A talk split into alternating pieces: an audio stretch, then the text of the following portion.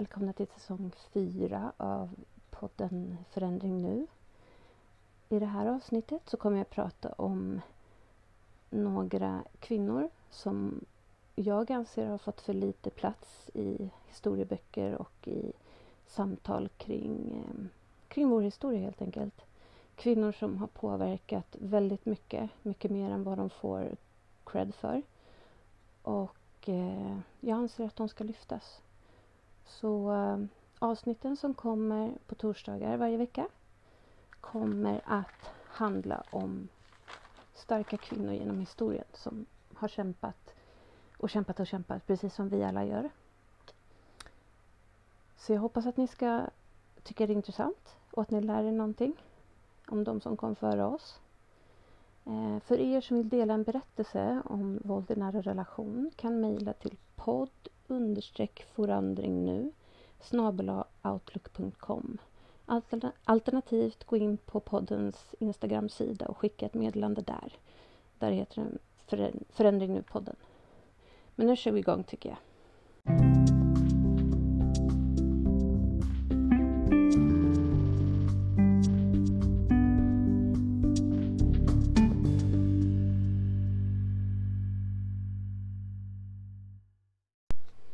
Första kvinnan jag ska berätta om heter Margit Salin. Margit föddes under våren 1914 i Stockholm. Hon var det yngsta barnet med sju äldre syskon. Margit kom att stå närmast hennes jämnåriga bror Harald. Hon lärde sig tidigt att skriva och läsa och började skolan ett år tidigare än vad man brukade göra då. Under skoltiden så var Margit väldigt blyg. och Hon var också rädd för hennes klasskamrater. Hon var väldigt osäker som barn vilket följde henne upp i vuxen ålder. Margit gjorde bra ifrån sig genom alla årskurser men när hon skulle börja vid högskolan i Stockholm tvingades hon åka till ett sanatorium i Dalarna för hon hade drabbats av tbc. Det visade sig snabbt bli mycket allvarligt och det ville inte ge med sig. Efter ungefär ett år med kämpande mot tbc så blev Margit mirakulöst frisk. Hon kunde återuppta sina studier. Hon började istället nu i Uppsala. Margit trivdes jättebra i Uppsala och vid sidan om hennes språkstudier så engagerade hon sig mer och mer i kyrkan. Margit hade under sin ungdom tillhört kyrkorörelsen och tillsammans med sin bror hade de åkt runt och predikat och sjungit i hela landet. 1938 så skrev Margit en artikel i den kristna tidningen Vårlösen Artikeln väckte stor uppmärksamhet. Det handlade om ett ämbete för kvinnor i Svenska kyrkan. Och under 1940-talet så doktorerade Margit och började direkt att studera teologi. Under den här tiden så fanns det ingen tjänst för en teologiutbildad kvinna i Svenska kyrkan. Och när andra världskriget tagit slut så började Margit resa runt omkring i Europa för att hämta inspiration från andra kyrkor och traditioner. Margit reste bland annat till italienska Assisi, Taisi, ni får uttrycka, ursäkta uttalet, Taisi i Frankrike och till Leona Community i Skottland. Under den här tiden så vände många kvinnor ryggen till kyrkan på grund av deras sätt gentemot kvinnor. Men trots att Margit delade kvinnorörelsens kritik av kyrkan så vände Margit aldrig ryggen till kyrkan. Margit ville inte ge upp hoppet om att hon ändå skulle få en plats i kyrkan. Hon ville finna en plats i kyrkan men det var snudd på omöjligt då för en kvinna. Så från början var hon inte intresserad av ett kvinnligt prästämbete. Margit ville ha en tjänst i kyrkan men det var, behövde inte vara att vara präst. Så under 1950-talet tog debatten en ny fart kring kvinnliga präster.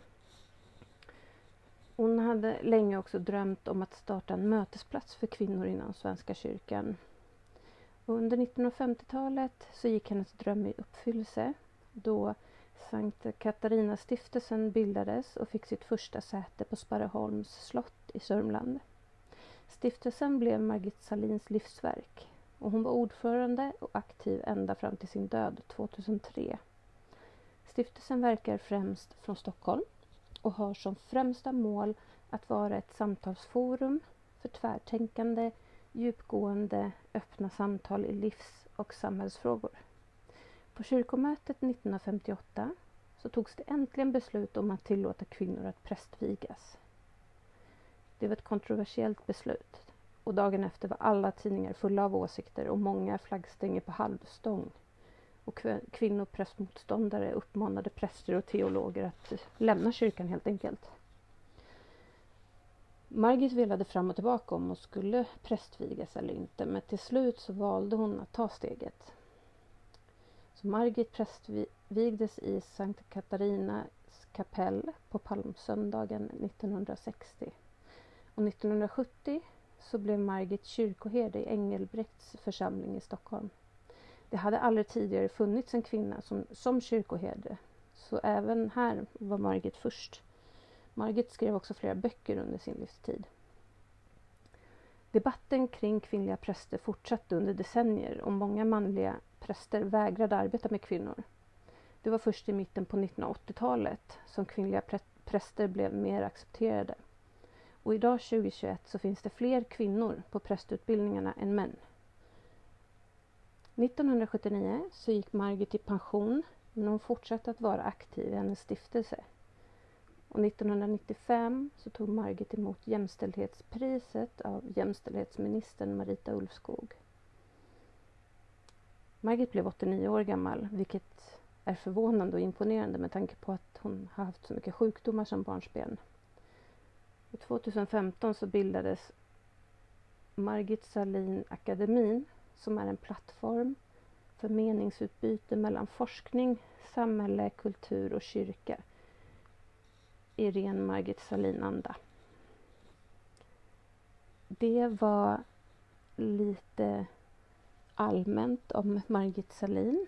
Jag hoppas att ni eh, kände att ni fick en inblick lite i vad hon utförde och vad hon kämpade för i Sverige. Eh,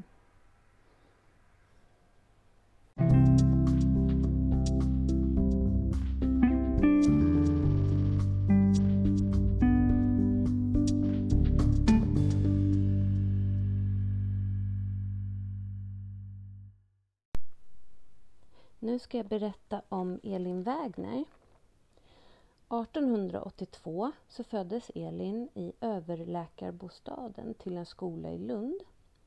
Inom tre år så hade hon även fått en syster och en bror. Och när brodern föddes och Elin var tre år så dog hennes mamma i barnsäng. Och fadern gifte om sig kort efter det Elin hade sina mor, morföräldrars hem mer som hennes hem än hennes faders nya familj. Och när Elin flyttat med sin faders nya familj till Helsingborg så blev Helsingborgs Dagblad Elin Wägners läroställe som journalist. Och Elins fader, eller far då, var rektor och hette Sven Wägner. Och Elins mamma hette Anna och var en prästdotter. När de flyttade till Helsingborg så började Elin på Appelgrenska elementarskolan för flickor. Elin medverkade såklart i skolans tidning och hon verkade ha skrivit de flesta bidragen själv. 1899 så vann Elin pris för en novell som utgavs i ungdomstidningen Linnea. Och Elin hon var en, en period skrivbiträde åt sin far. Hon skrev alltid och hon fick ihop små berättelser och hon fick dem utgivna under, pseudonym, under en pseudonym i Helsingborgs-Posten. Efter hösten 1901 så fick Elin genom hennes far träffa tidningens redaktör Gustav E Eriksson som lät Elin bli recensent i tidningen. Och eh, det här gick efter två år över till en fast anställning och Elin började skriva både reportage, kåserier och korta noveller men under signaturen Carrefour E. Eller Pythia. Pythia, Pythia. När Elin var 21 år så uppvaktades hon av hennes manliga kollega Hjalmar Jonsson. Detta ledde till en kort men himlastormande affär. På grund av Hjalmar så hamnade Elin i depression och det bidrog också att hon hade förlorat sin halvsyster Rut i en drunkningsolycka. Elin spenderade en tid hos släktingar i Småland skrivandes i sin dagbok. Hon ältade sina upplevelser med Hjalmar mycket men lyckades skriva några korta berättelser som utgavs i tidningen Idun. Men även då under en signatur, så hennes namn publicerades aldrig. 1907 så började Elin arbeta på tidningen Iduns redaktion i Stockholm med en lön på 150 kronor i månaden. Nu fick hon skriva artiklar som kunde tilltala tidningens kvinnliga läsare. Tidigare så, så vände sig hel, alla artiklar och skriverier till männen. Man ansåg inte att kvinnorna eh, hade, hade behov av att eh, få veta saker helt enkelt. Elin Wägner engagerade sig 1908 i rörelsen, rörelsen för kvinnlig rösträtt och 1909 så representerade hon Sveriges kvinnliga fredsförening vid den internationella kvinnorösträtts Alliansens kongress i London. Och samma år så intervjuade Elin Wägner debattören Ellen Key som var otroligt viktig för kvinnorörelsen. Och henne kommer jag berätta om i ett annat avsnitt. I tidningen Idun så försvarade Elins, Elin kvinnors självbestämmande i en debatt mot Svenska riksförbundet för sedlig kultur. I, denna, I den här debatten så blev Elin utpekad som en fara för ungdomens moral av en annan skribent. Och den här skribenten visade sig senare vara Hjalmar, alltså mannen som Elin hade haft en kortare relation med tidigare. 1910 så kom Elins roman Pennskaftet och I boken tog Elin upp både kvinnlig rösträtt men också sexualmoralen. Till exempel att även kvinnor ska kunna ha sexuella förhållanden utan att vara gifta. Och eh, lägg på minnet då att det här, eller markera att det här var 1910. Otroligt tidigt. Um, Elin Wägner gifte sig med journalisten John Landqvist och sen började Elin arbeta med kvinnors rösträtt. Hon skrev samtidigt mängder av artiklar, både för tidningen Idun men också för Dagens Nyheter. Hon porträtterade röt, res, förlåt, rösträttsrörelsens ledande kvinnor som till exempel amerikanskan Anna Howard Shaw och ungerskan Rosika Schwimmer. 1911 så börjar Elin skriva på sin andra roman, Helga Wisbeck, som handlar om en kvinnlig läkare som avstår från äktenskap och barn och vill satsa på sitt yrke. Det här var också otroligt kontroversiellt Eh, många kvinnor kunde ju inte ens arbeta i sådana yrken som läkare och liknande. Och I mars 1914 så var Elin med och bildade föreningen Frisinnade kvinnor. Föreningen riktade in sig mot den politiska högern i riksdagen som röstat nej då till kvinnlig rösträtt.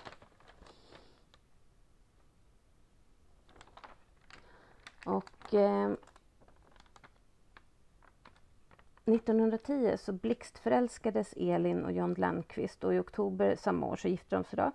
De flyttade ihop på Grev Turegatan i Stockholm. Och redan 1913 så knakade det i fogarna. De har alltså varit tillsammans i tre år. Och i boken Helga Wisbeck som Elin skrev finns också stark kritik mot män och äktenskap. Vilket kanske då hörde ihop lite med hur hon själv upplevde eh, sin verklighet just då.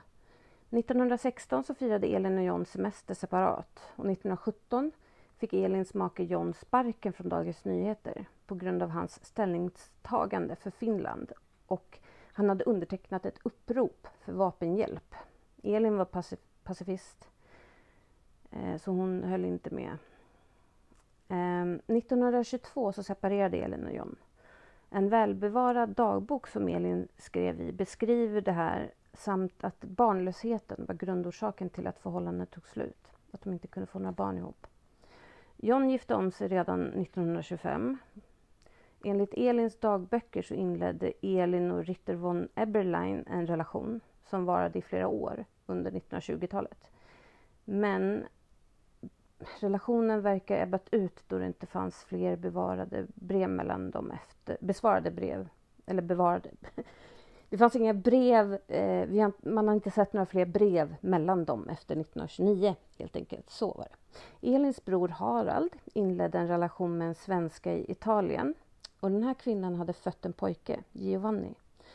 Men hon hade inte möjlighet att ta hand om pojken som nu var cirka ett år gammal. Och därför tog Elin 1921 över ansvaret och pojken fick flytta till henne i Stockholm under 1924 så blev Elin också chefsredaktör för Tidevarvet. Det var en politisk, kulturell veckotidning.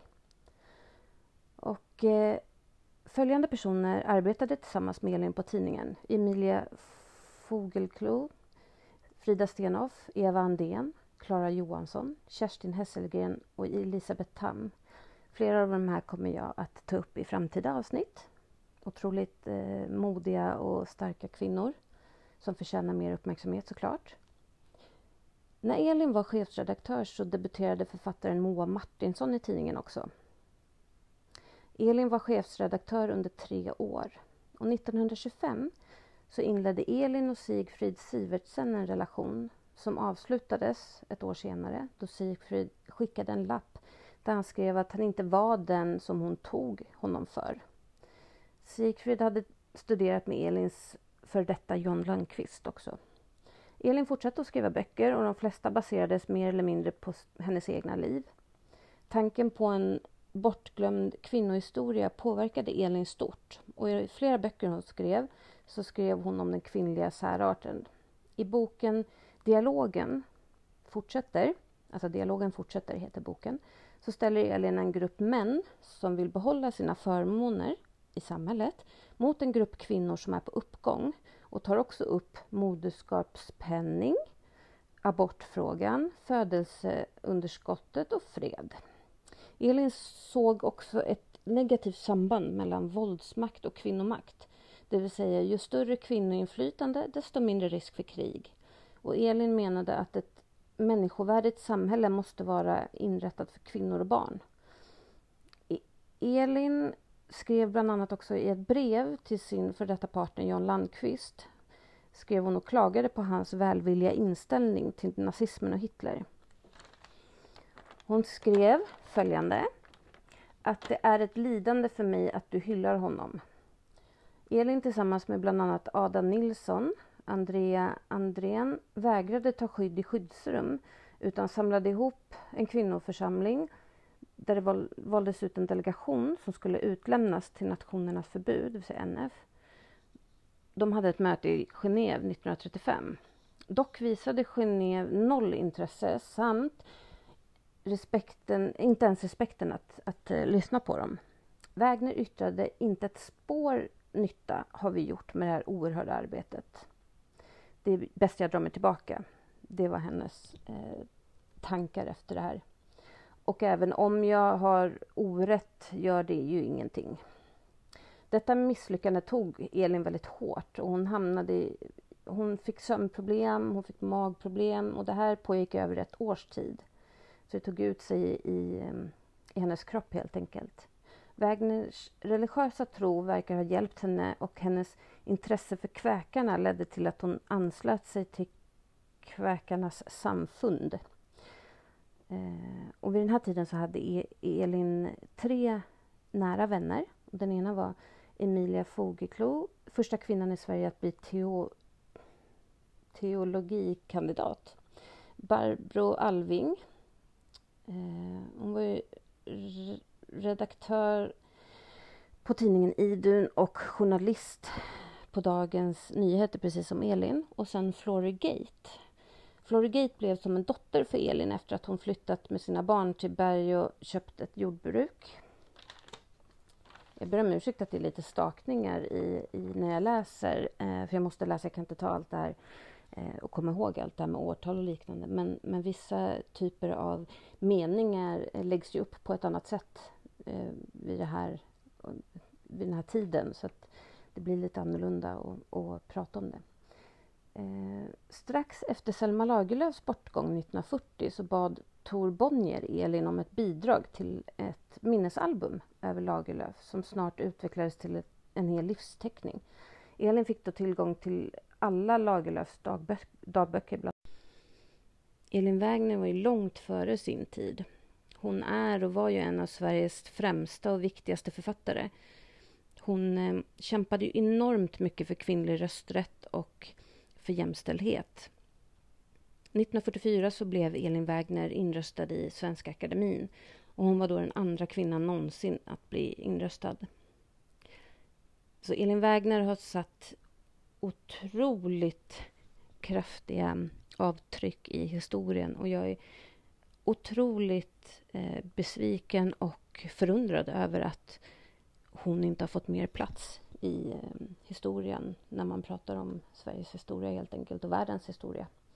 Eh, men nu tar mitt, min del i det här avsnittet om Elin Wägner slut och vi går över till helt enkelt till Susan B. Anthony.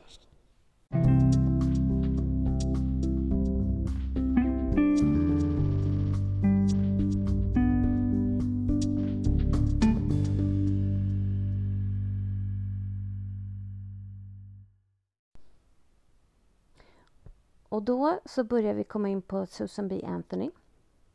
Susan föddes den 15 februari 1820 i Adams, Massachusetts. Massachusetts. Massachusetts. Oh, ni får ursäkta. Hennes mamma hette Lucy och hennes pappa hette Daniel. Hon var den näst äldsta av sju barn. Hennes namn fick hon från hennes mormor och hennes faster. Susan och hennes systrar blev lite intresserade av att ha en bokstav eller en initial mellan för och efternamnet. Så Susan valde bokstaven B efter hennes fasters man som hette Brownell. Eh, Susan, Susans pappa var en bonde och familjen var en så kallad kväkarfamilj. Den religiösa tron innebar att man anser att alla är lika under Gud. Det vill säga att oavsett vilken hudfärg eller kön med mera så är vi alla lika mycket värda. Och den här tron inspirerade Susan och guidade henne genom ja, hela hennes liv. Hela familjen delade en passion för sociala reformer också. Hennes bröder Daniel och Merit, eller Merit flyttade till Kansas för att stötta antislaverirörelsen som fanns där. Så hela Susans familj kämpade på många olika fronter för en bättre värld. Susans pappa fick kämpa en del då han dels gifte sig med en icke-kväkare, Lucy, det vill säga Sus Susans mamma Lucy. Han var också en abolitionist och det är en rörelse i USA som ville få slut på slaveriet. Och han kämpade också för att minska användandet av alkohol. Det här tillsammans med att han tillät en skoldans i hans bostad ledde till att han inte längre var välkommen i församlingen som han hade varit medlem i jättelänge. Eh, Lucy, Susans mamma, var en metodist och metodism är en utgrening av den protestantiska kristendomen där en viktig tro är tron på människans fria vilja. Lucy bidrog därför till att till uppfostrandet av deras sju barn blev lite mer av en tolerant version av deras pappas religiösa traditioner. Och Susans pappa uppmuntrade alla sina barn, både flickorna och pojkarna, till att bli självförsörjande. Han lärde dem företagsprinciper och eh, i tidig ålder så fick de en hel del ansvar. När Susan var sex år gammal så flyttade familjen till Battenville i New York där fadern skötte en stor bomullskvarn. Eh, och när, när Susan vuxit upp och blivit 17 år så skickades hon iväg till, en kvä, eh, till ett kväkarinternat i Philadelphia. Susan trivdes inte alls där, men hon kämpade på. Hon tvingades dock att avsluta sina studier redan efter en termin för hennes familj blev ekonomiskt ruinerade under den ekonomiska krisen som kallades 1837 års paniken. De tvingades att sälja allt, allt de hade på en auktion. Men de hade tur, för Susans morbror köpte nästan allting och gav tillbaka det till familjen. Och för att hjälpa familjen ekonomiskt så lämnade Susan eh, familjen för att undervisa på, ett, på en kväkerskola helt enkelt. 1845 så flyttade familjen till en gård i Rochester, New York. De började umgås med flera kväkare som lämnat sina församlingar på grund av restriktionerna kring reformaktiviteter. De här församlingarna ville inte att, att man skulle kämpa för förändringar. De ville ha det som det alltid har varit helt enkelt. Och de bildade 1848 en ny organisation som de kallade Cong Congressional Friends. Och gården blev platsen för den här organisationen. Nu blev också den tidigare slaven Frederick Douglass engagerad och blev en väldigt nära och livslång vän till Susan. 1848 så hölls den första kvinnliga konventionen rum, rättigheterkonventionen rum. Och hela familjen Anthony deltog såklart och skrev under The Declaration of Sentiments Susan deltog dock inte i det här för hon hade flyttat 1846 till Canajo för att bli huvudlärarinna för den kvinnliga delen av Kanajohari-akademin. Jag ber om ursäkt för uttalet. För första gången i sitt liv som 26-åring var hon ifrån kväkarlivet och började nu ersätta, ersätta hennes enklare kläder med klänningar. Hon ändrade lite sitt sätt att prata och så vidare. Hon var mycket intresserad av sociala reformer. Hon var missnöjd då hon hade mycket lägre lön än män som hade liknande tjänster som hon. Hon glädjes över att hennes pappas intresse i kvinnliga rättigheter var så högt men hon sa vid ett tillfälle att hon inte var redo att rösta. Eh, men hon ville ändå ha samma lön för samma jobb. När akademin lades ner 1849 så tog Susan över hennes familjs gård i Rochester så hennes pappa kunde använda mer tid åt försäkringsarbete. Och det här arbetade hon med ett par år men hon kände att hon drogs mer och mer åt arbetet med att få till reformer i samhället. Så med hennes föräldrars stöd så blev Susan snart fullt engagerad i reformarbete vilket skulle fortsätta pågå hela hennes, resten av sitt liv. Hon levde nästan enbart på ersättning hon tjänade som talare inom reformarbetet. Eh, Susan engagerade sig i det som senare kom att kallas suffragettrörelsen. Eh, hon mötte också nu en annan kvinnorättskämpe, Elizabeth Cady Stanton, som Susan grundade National Woman Suffrage, Suffrage, Suffrage Association 1869. Ni får verkligen uttala att jag inte, eller ursäkta att jag får uttala en fel. Susan föreläste hela tiden också och ansåg att nyckeln till kvinnans frigörelse låg i politisk representation. Att det skulle vara fler kvinnor som kommer in i, i politiken. Susan la också fram konstant att alla andra reformer, hur viktiga de än är, aldrig kunde vara viktigare än kravet på kvinnlig rösträtt. 1872 så försökte Susan rösta illegalt som ett steg mot kvinnlig rösträtt. Susan och tre andra kvinnor startade skriften History of Women's Suffrage. Susan skrev en petition, petition heter det, ju, riktad till delstaten New York med tre stora reformer. Ett var kvinnans rätt till att förvalta egen förtjänst, alltså rätt till att äga det man arbetar in, om man säger. Målsmanskapet över barn vid skilsmässa och rösträtt för kvinnor. Hon samlade ihop hela 6 000 namnunderskrifter och tillsammans med hennes organisation så ans som ansträngde sig enormt så 1860 fick de gehör. New York antog ett lagförslag som gav kvinnan rätt att förutom att inneha egendom också förfoga över sin egen arbetsförtjänst, inleda process vid sin makes död, ha samma rättigheter som denna hade haft om hans hustru avlidit före maken. Och de här reformerna blev ju då ett steg framåt såklart. Under inbördeskriget i Amerika så avstannade all den här verksamheten kring kvinnans frigörelse. Men Susan och Elizabeth besökte alla större städer för att få underskrifter och hålla tal om kvinnliga rättigheter.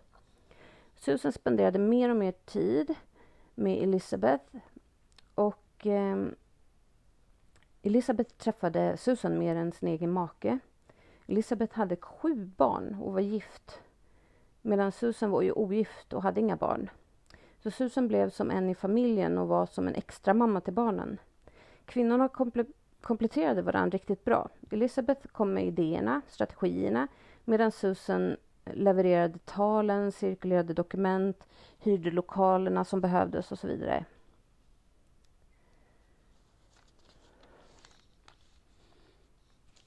Och eh, Temperance var väldigt stor del av kvinnliga rättigheter som behövde förändras. Det innebar att maken enligt lagen hade full kontroll över familjen och familjens ekonomi. Även då till exempel maken var alkoholist och behandlade barn och fru dåligt. Så om, bara om kvinnan beviljades skilsmässa så var det mannen som i regel fick vårdnaden om barnen och det här ville då Susan förändra. Hon gick också med i en organisation, The Daughters of Temperance och 1849 höll hon sitt första tal på ett av deras möten. Dock blev hon stoppad framöver av en man i organisationen med motiveringen kvinnorna var bara med för att lyssna och lära sig. Omedelbart så lämnade Susan mötet med flera andra kvinnor och startade ett eget möte helt enkelt. Organiserat av Susan och där samlades runt 500 kvinnor i Rochester och skapade Women's State Temperance Society. Susan tillsammans med hennes medarbetare samlade in 28 000 signaturer för ett förslag till en lag för att ta bort försäljningen av alkohol i New York.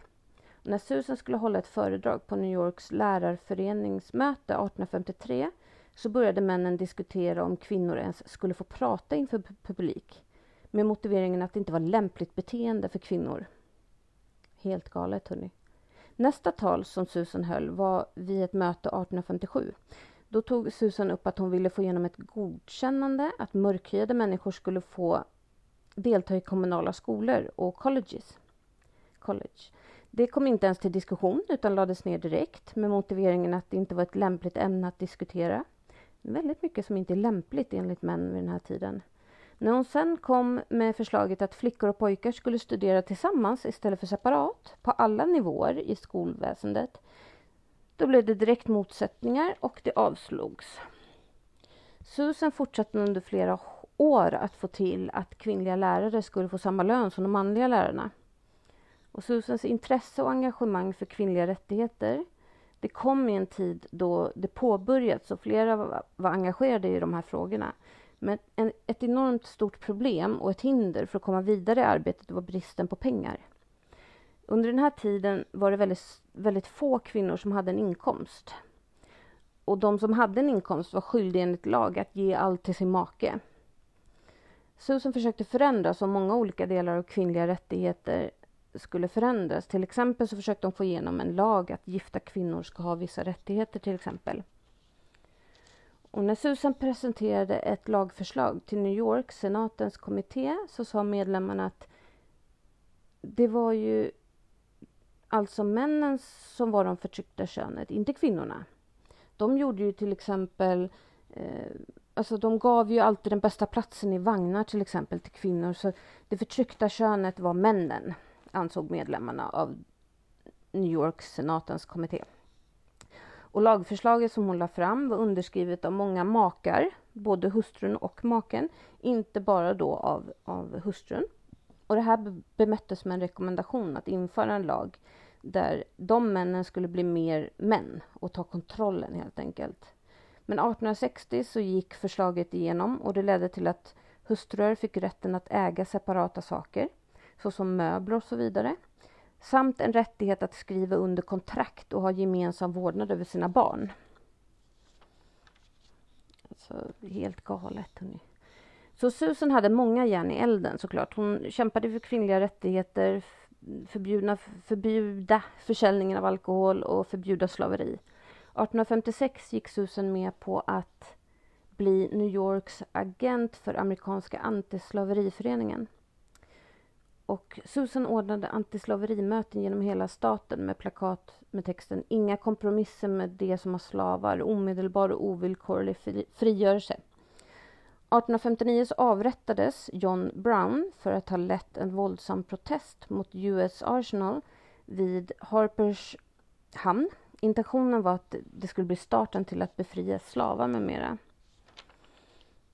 Susan ordnade ett möte där, där de sörjde John och samlade in pengar till hans familj. Susan blev ju under hela sin livstid nästan attackerad i tidningar och bland människor. Hon organiserade ju många olika rörelser och föreningar i sin kamp mot slaveri och för kvinnliga rättigheter.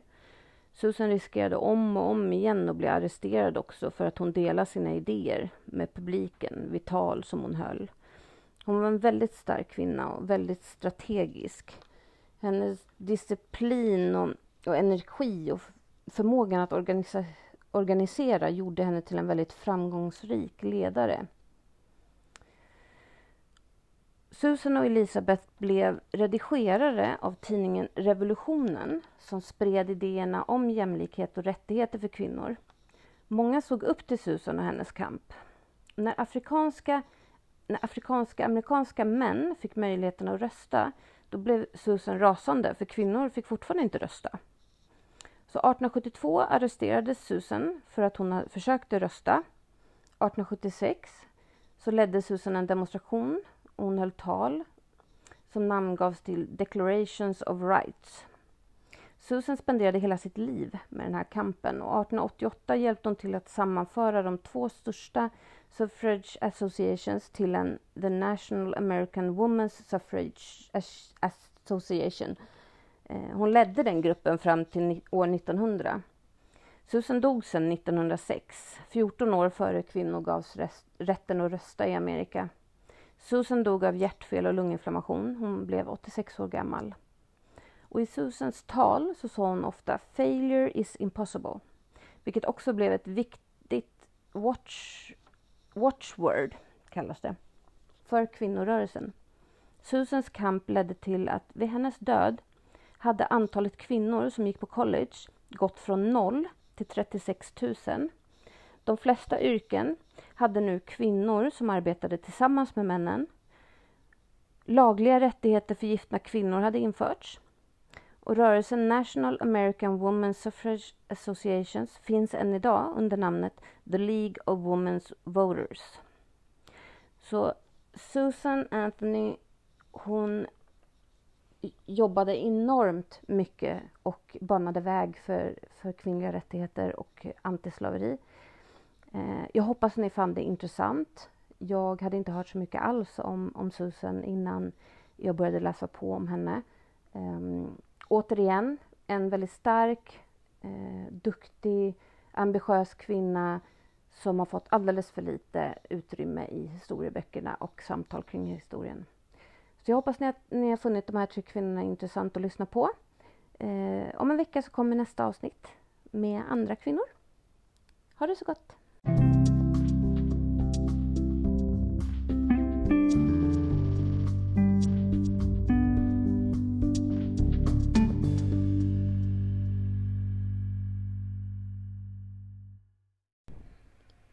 Så det var de kvinnor som jag tog upp i det här avsnittet. Nästa avsnitt kommer om en vecka och då berättar jag om några fler kvinnor som har spelat stor roll genom vår historia.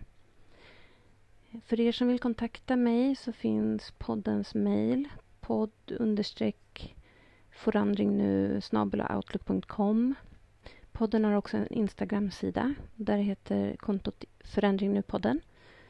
får jättegärna kontakta mig via det.